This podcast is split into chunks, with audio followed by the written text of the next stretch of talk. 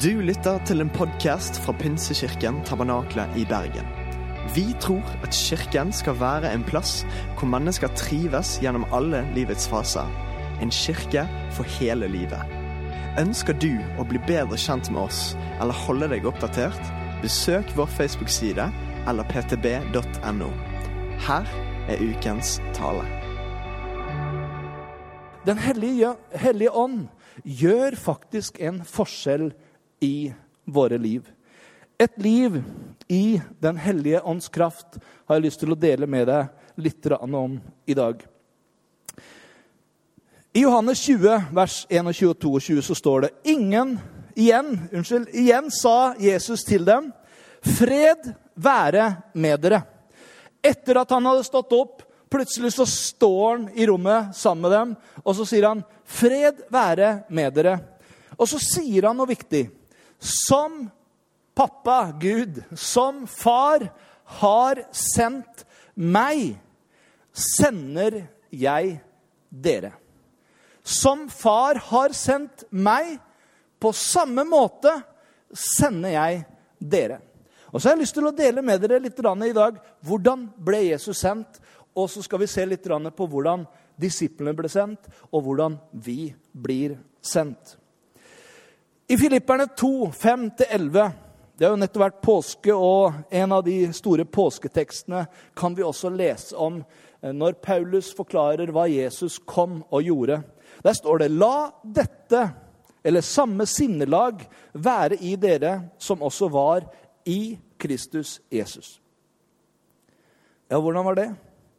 Jo, han var i Guds skikkelse og så det ikke som et rov å være Gud lik men ga avkall på sitt eget.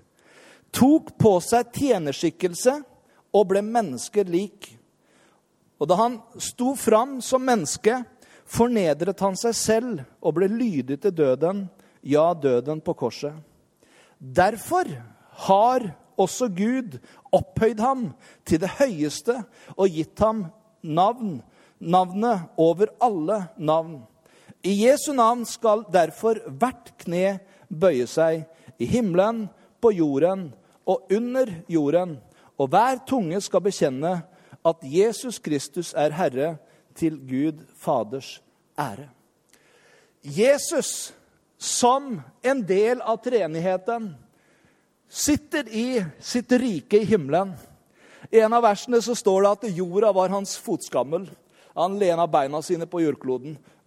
Bare for å, jeg tror Det bare står der for å synliggjøre den makt, den autoritet, skaperen av himmel og jord. Han hadde ikke behov for å gå ned fra sin trone, om du forstår poenget. Å komme til denne syndfulle jorda, der hvor folk hadde vendt Gud ryggen. Men når de har rådsmøte oppe i himmelen, så forstår Jesus at hvis menneskeheten skal ha noen sjanse, hvis den ikke skal gå fullstendig fortapt, så nytter det ikke bare å komme hvert eneste år og gjøre avlat for sine synder med nye offer. Da trengs det ett eneste offer en gang for alle. Og så sier Jesus, 'Jeg går'. Og det er det Paulus skriver, at han så det ikke som et rov å være Gud lik, men han gir avkall på det. Og så kommer han ned, blir født som et vanlig menneske. Han legger av seg privilegiene av å være Gud. Han er fortsatt Gud, 100% Gud og 100% menneske når han er her nede. Men han lever ikke i privilegiene av å være Gud. Han kunne gjort det på korset så sier han jeg kunne bedt en legion engler å bare stille opp her. Men han gjorde det ikke, fordi han hadde valgt å ta og legge bort det guddommelige og leve 100% som menneske. Og som 100% menneske så levde han i denne verden uten synd. Han døde for oss på korset, ga sitt liv for oss. Og fordi han var uten synd og ga sitt liv for oss, så brakte han hele verden tilbake i kontakt med Gud. Det er det dette verset som vi nettopp leste, handler om. Og så står det at Jesus han var sendt av Gud med dette oppdraget å forlike verden med Gud. Og så sier han etterpå til disiplene, sånn som Gud sendte meg til verden, så sender jeg nå dere til verden. Og på hvilken måte gjorde han det? Johannes, 1. Eh, Johannes 2 og vers 6 så står det eh, noe veldig sterkt og veldig scary. Den som sier 'Jeg er i ham', må leve slik Jesus levde. Hva betyr det å være i Han? Jo, det betyr å være en kristen. For hva er å være en kristen? Det er å være en etterfølger av Jesus. Det er å være i ham. Hvis du leser Efeserne, så står det 'i ham har vi', 'i ham har vi'. Altså vi, Når vi ble kristne, når vi tok imot Jesus, så kom vi inn i han. I hans privilegier, i hans gaver, i alt det som Gud ønsker å gi oss. Det har vi fått. Og Derfor så sier også Johannes, denne kjærlighetens apostel, hvis vi sier vi er i Han, ja, så må vi også leve som Han. Og så sier han i vers, kapittel 4 og vers 17.: For som Kristus er, sånn er vi i denne verden. Og Når jeg leste det, så måtte jeg liksom stille meg spørsmålet Benjamin, er du det? Er du sånn som Kristus er i verden? Og jeg måtte ta en bønnestund og si, Gud, jeg ønsker å være sånn som du var i denne verden. For det er det han ønsker for oss, at vi skal få lov til å være sånn som Jesus. Liksom Faderen sendte meg, sender jeg dere. Og hvordan ble Jesus sendt av sin far? Det er et forbilde for vår utsendelse til verden. Vi er ikke bare sendt, men vi er sendt på samme måte som Jesus.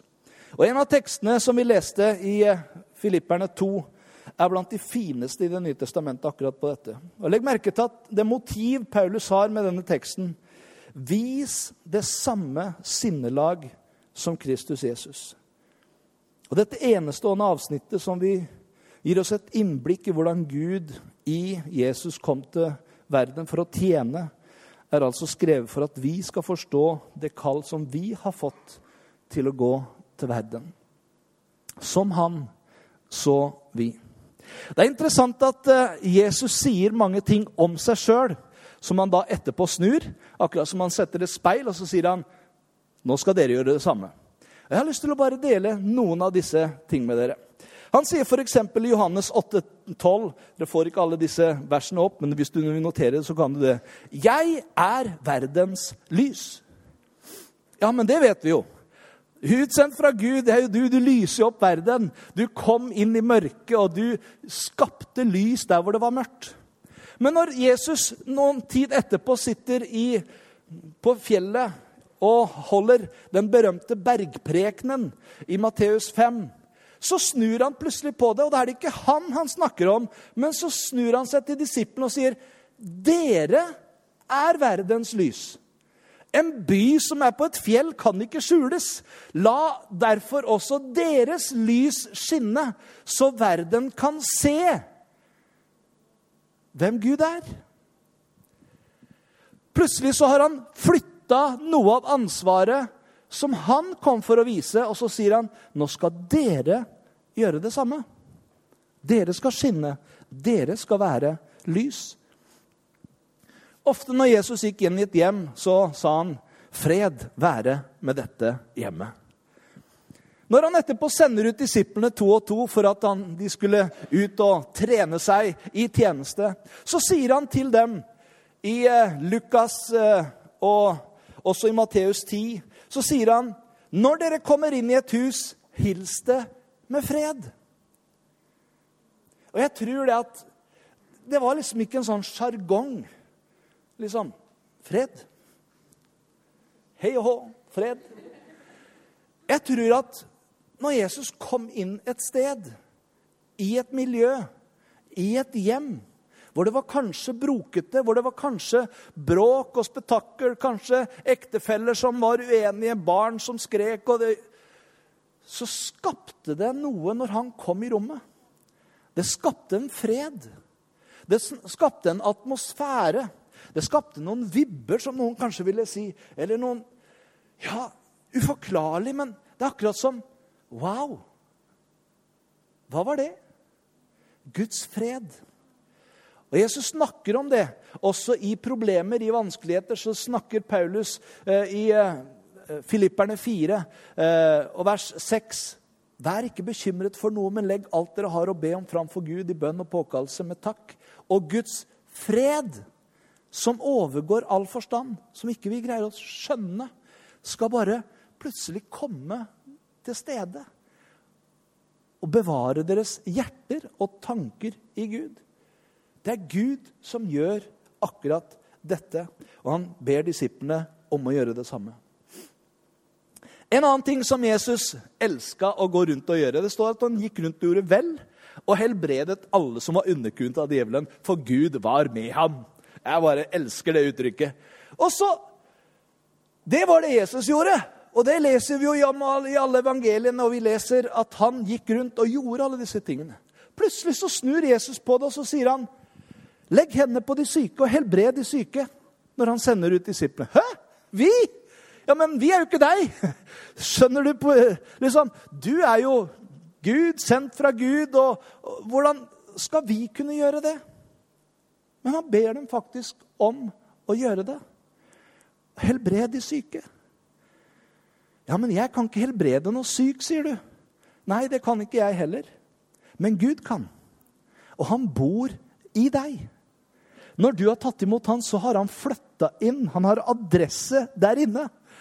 Og når han ber deg om å gjøre det, så er det ikke fordi du skal gjøre det, men fordi han ønsker å gjøre det gjennom deg. Akkurat som Gud gjorde det gjennom Jesus. Fordi Jesus gjorde heller ikke det av seg sjøl. Når du leser evangeliene, så vil du se gang på gang at det jeg nå sier, sier Jesus, det sier jeg ikke fordi jeg vil, men fordi min far ber meg om å si det. Og så er han rundt, og så gjør han vel, og så sier han de ting jeg gjør, det er det ikke jeg som gjør. Hæ? Ja, men Vi ser jo det er du som gjør det. Nei, det er ikke jeg som gjør det. Det er Gud som gjør det. Det er Han som ber meg om å gjøre det. Og jeg er bare lydig og gjør det, og så skjer det. Wow. Er det sånn det fungerer? Er det sånn Gud vil vi skal gjøre det òg? På samme måte som Gud sendte meg, sender jeg dere. Jeg delte med bønneteamet der inne at jeg eh, Når jeg sier litt om dette nå, så bare fikk jeg en tanke når jeg satt inne på bønnerommet. Eh, og jeg har lyst til å bare utfordre deg på det. Jeg skal ikke be deg fram til forbønn eller noen ting akkurat nå. Men jeg fikk et kunnskapsord på et par ting som jeg har lyst til at eh, mens vi sitter nå Bare slapp helt av. Så fikk jeg en fornemmelse av at Gud sa at det sitter noen her som har fått konstatert noe hjerteflimmer eller noen urytme i hjertet. Eh, som du kanskje er litt eh, bekymra for og lurer på hva dette er for noe. Eh, det er ikke noe sånn så du liksom går og merker det hele tida, men du, du, har fått konstatert det, og det, er akkurat som det liksom er noen sånn feilslag innimellom. Eh, jeg har lyst til å be om at Gud bare skal eh, ta dette bort fra deg. Eh, og at du skal bli fullstendig helbreda. Så så jeg også at noen slet med noen problemer ned i nedre ryggdel, om det er en virvel eller noe som eh, er ødelagt. Så du sliter med å bøye deg ordentlig. Det gjør skikkelig vondt når du trener osv. Og, eh, og Gud sa også det at eh, bare minn dem på at jeg vet det, og at jeg ønsker å helbrede det. Så var det litt interessant det bønneemnet du var framme, for jeg delte det også der inne, at det er noen som i disse eksamenstider så bærer du på noe som gjør at det er vanskelig å fokusere fordi det er problemer i hjemmet, i familien. Eh, og Gud har bare en hilsen til deg, at han vet om det, og at han kan gjøre noe med det. Så du kan få lov til å hvile, legge det på han. Eh, og nå har jeg lyst til å bare gjøre noe crazy. Jeg vil at eh, du som eh, opplever å ha ting i kroppen din av sykdom, Bibelen sier at vi skal helbrede de syke. Jeg skal ikke gå ned og legge hendene på deg, men du skal få lov til å gjøre det sjøl hvis det er mulig. Vi bare lukker øya litt alle sammen nå. Eh, og så legger du gjerne hånda di på det stedet som er eh, sykt, eller hvor du har problemer. Og hvis det er vanskelig, så kan du folde hendene dine. Eh, hvis det er noen andre du ønsker å be for, som du bare kjenner at nå har du lyst til å be for dem, så gjør vi det sammen. Og så har jeg lyst til å utfordre deg og oppmuntre deg til, når vi åpner bønnerommet etterpå, og du har kjent at det har skjedd noe med kroppen din, du har prøvd det ut i, etterpå eller noe, fortell det til noen. Eh, fordi det er en kraft i det å dele det med noen eh, når Gud gjør noe, for det skaper tro i andre mennesker. Herre, takk at du ser hver eneste en nå. Og jeg takker deg for at du er Herren, vår lege. Takk, Gud, for at når du talte til Jesus, og han gikk rundt og gjorde vel, så gjorde han det fordi du minna ham på det. Og takker deg for de tingene du har minna meg på, Herre. Takk at du ser de det gjelder. Og så takker jeg deg for at du berører dem akkurat nå. Og så takker jeg deg for at alle de andre sykdommer og alle de andre ting som eh, de sliter med Jeg takker deg for at du er der med din kraft, med din hellige ånd. Så berører du dem akkurat nå. I Jesu navn. Amen. Helbred de syke. Jeg har lyst til å oppmuntre deg og si at eh, det er en bok som jeg leser nå, 'Beveg byen', av eh, Alan Platt. tror jeg Han heter. Eh, han var og preka på, på led. Den har inspirert meg noe enormt. Og mest av alt fordi at kristenliv handler ikke om disse fire veggene en gang i uka. Men det handler om der hvor du er, på studiestedet ditt, i arbeidsplassen din, der hvor du er i byen, så vil Gud at Guds rike skal fungere der hvor du lever de andre dagene i uka. Det er der du skal få lov til å leve livet, og så skal du få lov til å ta det med deg hit. Og så skal vi få lov til å feire sammen her når vi samles det som Gud gjør. Jesus sa ikke bare 'helbred de syke', men uh, dette er kanskje enda heavyere. Han sa også at når Jesus sto overfor mennesker som hadde feila i livet, som hadde synd i livet De kom draende med en kvinne som var grepet på fersk gjerning i hor osv. Så, videre, så sier Jesus til mange av disse som kom angrende, dine synder er deg tilgitt. Gå i fred. Men det sterke er jo at når Jesus underviser sine disipler, så sier han til dem på påskedag Dersom dere tilgir noen syndene deres, da er de tilgitt. Og dersom dere fastholder syndene for noen, så er de fastholdt. Jeg tenkte, Det er jo skremmende at vi av og til, liksom, fordi at vi ikke vil gjøre opp for eksempel, forskjellige ting, så kan vi faktisk holde fast en del ting. Men vi er kalt til å sette mennesker i frihet. Og jeg synes Det er så herlig når vi kan få lov til å snakke med mennesker, vi kan få lov til å dele med mennesker. Og når mennesker kommer og angrer sin synd, så kan vi få lov til å be sammen med dem. Og så kan vi få lov til å si til dem etterpå, vet du hva? I Jesu navn, dine synder er tilgitt. Ja, men var ikke det nettopp det store problemet med Jesus når han sa disse tingene? Fariseerne ble jo helt gærne og sa han, det er bare Gud som kan tilgi synder. Hvorfor, hvordan kan du si det? Ja, Men det var jo ikke han som sa det. Det var jo Gud som sa det til han. Nå kan du få lov til å si det til dette, denne personen. Dine synder er tilgitt fordi han tilga. Og Det samme kan vi få lov til å gjøre på vegne av Jesus til mennesker som kommer og omvender seg. Dine synder er tilgitt. Og jeg elsker Jesus. Selvfølgelig så kan ikke noe menneske i seg selv tilgi synder like så lite som de kan helbrede eller bringe fred. Men det er den oppstandende Jesus selv som gjør det gjennom oss. Han sa også et nytt bud gir jeg dere. Dere skal elske hverandre. Og så sier han sånn som jeg har elska dere. Ser du igjen eksempelet? Dere skal gjøre det sånn fordi jeg gjorde det. Og en siste, eh, som han sier når de skulle gå ut Ja, men hva hvis de ikke hører på oss? Så sier Jesus, 'Den som hører dere, hører meg.' 'Og den som forkaster dere, forkaster meg.' 'Men den som forkaster meg, forkaster Han som har sendt meg.' Ser du relasjonen? Hele veien så er det en relasjon. Og sterkere kan det ikke sies. Som Paulus sier det, vi er sendebud i Kristi sted. Liksom Faderen har sendt meg, sender jeg dere. I Johannes 1, 18 så står det at ingen har noen gang sett Gud, men den enbårne som er Gud, altså Jesus, og som er i fars favn, han har vist oss hvem han er. I en annen oversettelse så står det at eh, Jesus kom for å bringe Gud fram i lyset. Og Jeg elsker en dansk oversettelse som står at eh, han er Faderens tolk. Jesus kom som Faderens tolk. Jeg vet ikke om du har hørt noen gode tolkere noen gang, men gode tolkere de sier bare det den andre sier. Det er jo lett å liksom sjekke opp når det er engelsk og norsk. ikke sant? Så ah, der var det litt, det var ikke helt riktig. Men enda verre er det noen, noen andre språk. da. Det er ikke alltid så godt å, å vite. Eh, men eh, de, de, de, morsomste tolkerne som jeg har hørt, det er liksom når de står og tolker, og de er veldig uenige med den som snakker. og så sier ja, han sier sånn og sånn. Jeg er ikke helt enig med han der, men det er det han sier. Eh, jeg tenker, Det er jo en elendig tolk. Ikke sant? Men en tolk er jo der bare for å si det den andre sier. Du trenger ikke engang å tro det sjøl eller vite det sjøl, men du bare formidler videre det den andre gjør. Og Derfor så elsker jeg Det var jo det Jesus gjorde. Han kom for å tolke Faderen.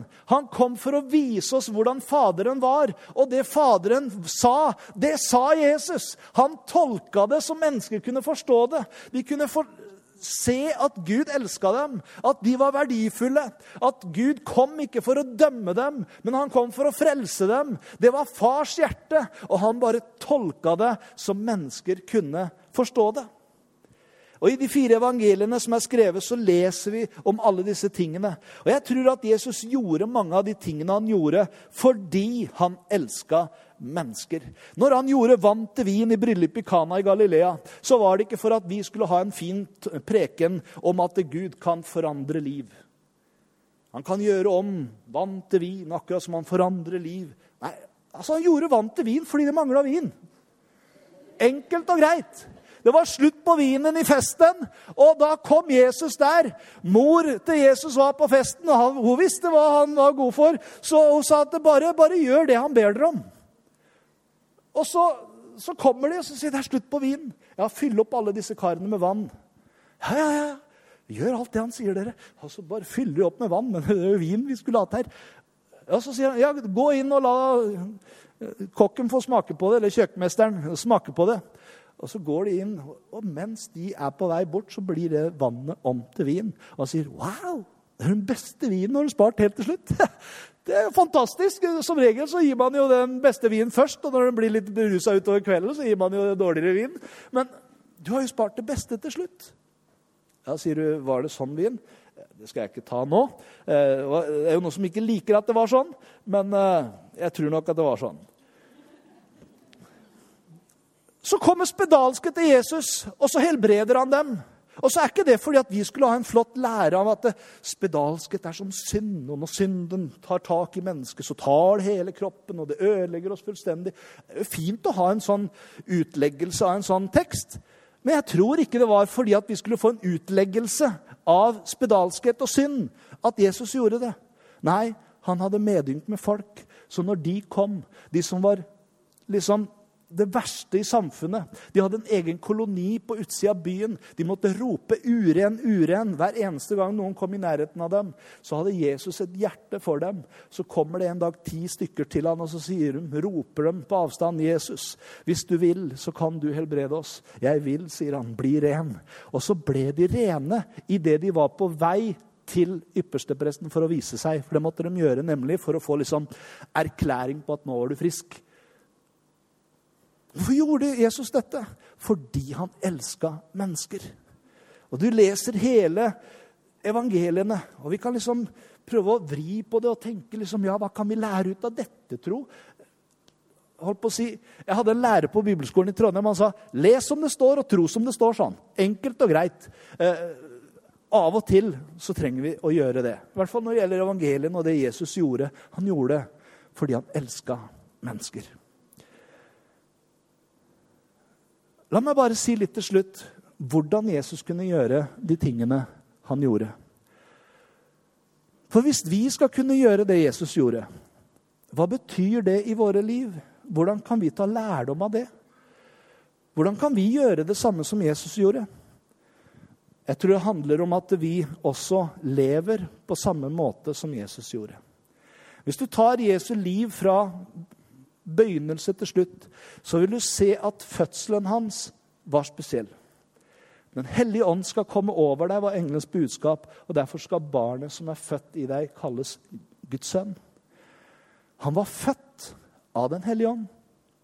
Og så leser du videre hvordan Jesus vokste opp. Du leser egentlig ikke så veldig mye om ting han gjorde når han var barn eller tenåring.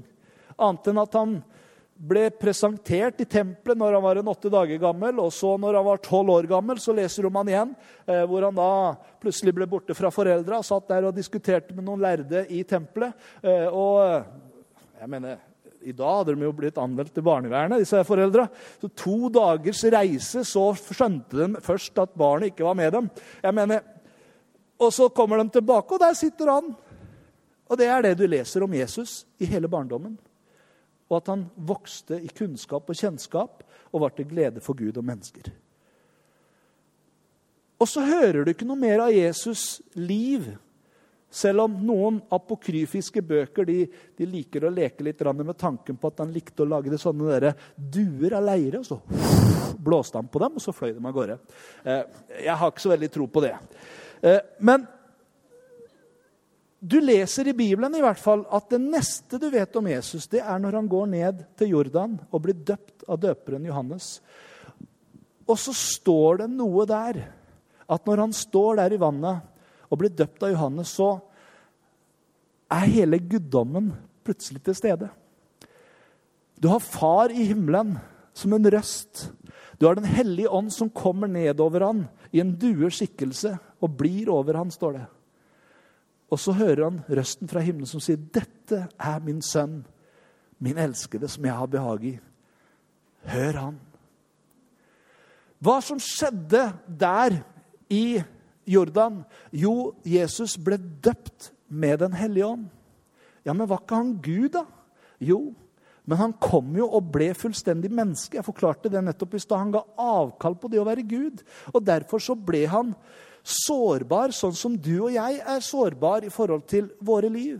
Og han trengte å være leda og fylt av Den hellige ånd. Og der ble han fylt av Den hellige ånd. Og fra da av så ser du først at han ut i ørkenen og blir testa av djevelen og vinner seier over djevelen ved å svare med så Guds ord sier sånn og sånn og sånn. Og så kommer han tilbake, og så går han inn i tempelet, eller i synagogen, og så leser du disse fantastiske ordene som Jesus kom med. I eh, Lukas kapittel 4 så leser vi om at i åndens kraft så vendte Jesus til Galilea, og ryktet om han spredte seg overalt. Han underviste i synagogen og fikk lovord av alle. Han kom også til Nasaret, hvor han hadde vokst opp, og på sabbaten så gikk han inn i synagogen, slik han pleide, og han reiste seg for å lese. Da rakte de ham boken Jesajas bok, og han åpnet bokrullen og fant stedet der det står Herrens ånd er over meg, for han har salvet meg til å forkynne et budskap godt budskap for fattige. Han har sendt meg for å rope ut at fanger skal få frihet, og blinde få syn igjen, og for å sette undertrykte fri, og rope ut et nådens år fra Herren. Det ble på en måte hans tale på det han skulle gjøre. Og når han sender etterpå ut sine disipler, så sier han til sine disipler, men dere skal få kraft når Den hellige ånd kommer over dere. Og dere skal være mine vitner. Judea, Jerusalem, hele Judea, Samaria og helt til jordens ende. Og Da pinsedagen kom, så var alle samla på et sted. Og så blir disse disiplene de blir fylt med Den hellige ånd. Og de begynte å tale på andre språk ettersom ånden ga dem å forkynne. Så leser vi videre i Apostlenes gjerninger 2, siste del her, eh, hvor Peter han forklarer det som har skjedd. For de tror jo at de hadde liksom vært på fest eh, på natta. Fordi liksom, de snakka og de hoia og var så glad. Eh, og de tenkte de er fulle av vin. Men Peter han forklarer vi er ikke fulle av vin. Det er jo bare tidlig på morgenen. Men det som har skjedd, det er det som Joel forklarer. I de siste dager skal det skje at jeg vil utgyte min ånd over alt kjød. Og så sier han, for løftet gjelder dere. Og da snakker plutselig disiplene. Jesus hadde delt dette med disiplene. Nå deler på en måte disiplene det med oss, med deg og meg. For løftet gjelder dere, de som var til stede den dagen, og barna deres og alle som er langt borte, ja, så mange som Herren vår Gud kaller på. Og der er jeg inkludert. En dag så kalte han meg til et fellesskap med han. En dag så kalte han deg til et fellesskap med han. Og i det fellesskapet så har han også lovt at de ting som Jesus hadde i sitt liv, det har han også gjort tilgjengelig i våre liv, for at vi skal kunne tjene han og få lov til å fortsette det oppdraget som Jesus kom for å gjøre når han sender ut sine disipler i åndens kraft. Han sa til dem, 'Gå ut i hele verden, forkynn evangeliet for alt som Gud har skapt.' Og disse tegn skal følge dem som tror. Og så ramser han opp en del ting som vi har vært innom. Og så står det etterpå så bra. De gikk ut og forkynte overalt. Og Herren virket med og stadfestet ordet med de tegn som fulgte med. Og så er oppdraget nå vårt. Det er akkurat som Jesus han la det på disiplene. Og disiplene de sender stafettpinnen videre til oss i dag. Og så sier han nå er det vi som må ta det videre. Hvordan skal vi gjøre det? Vi skal gjøre det på samme måte som Jesus gjorde det. Vi skal gjøre det på samme måte som disiplene gjorde det. Og det er det de gir videre til oss. Vi kan bli født på ny gjennom troen på Jesus. Bli født åndelig. Det var dette som Nikodemus, denne lærde i Johannes 3, ikke helt forsto. Hvordan skal jeg bli født en gang til og gå inn i min mors liv og bli født en gang til? Nei, sier Jesus, det som er født av kjøtt, er kjøtt. Men det som er ånd, det er ånd. Og derfor du trenger å bli åndelig født på ny. Og så er disse kjente versene som vi har lært der i Johannes 3, 16. For så høyt har Gud elsket verden, at han ga sin sønn den eneste, for at hver den som tror på ham, ikke skal gå fortapt, men ha evig liv.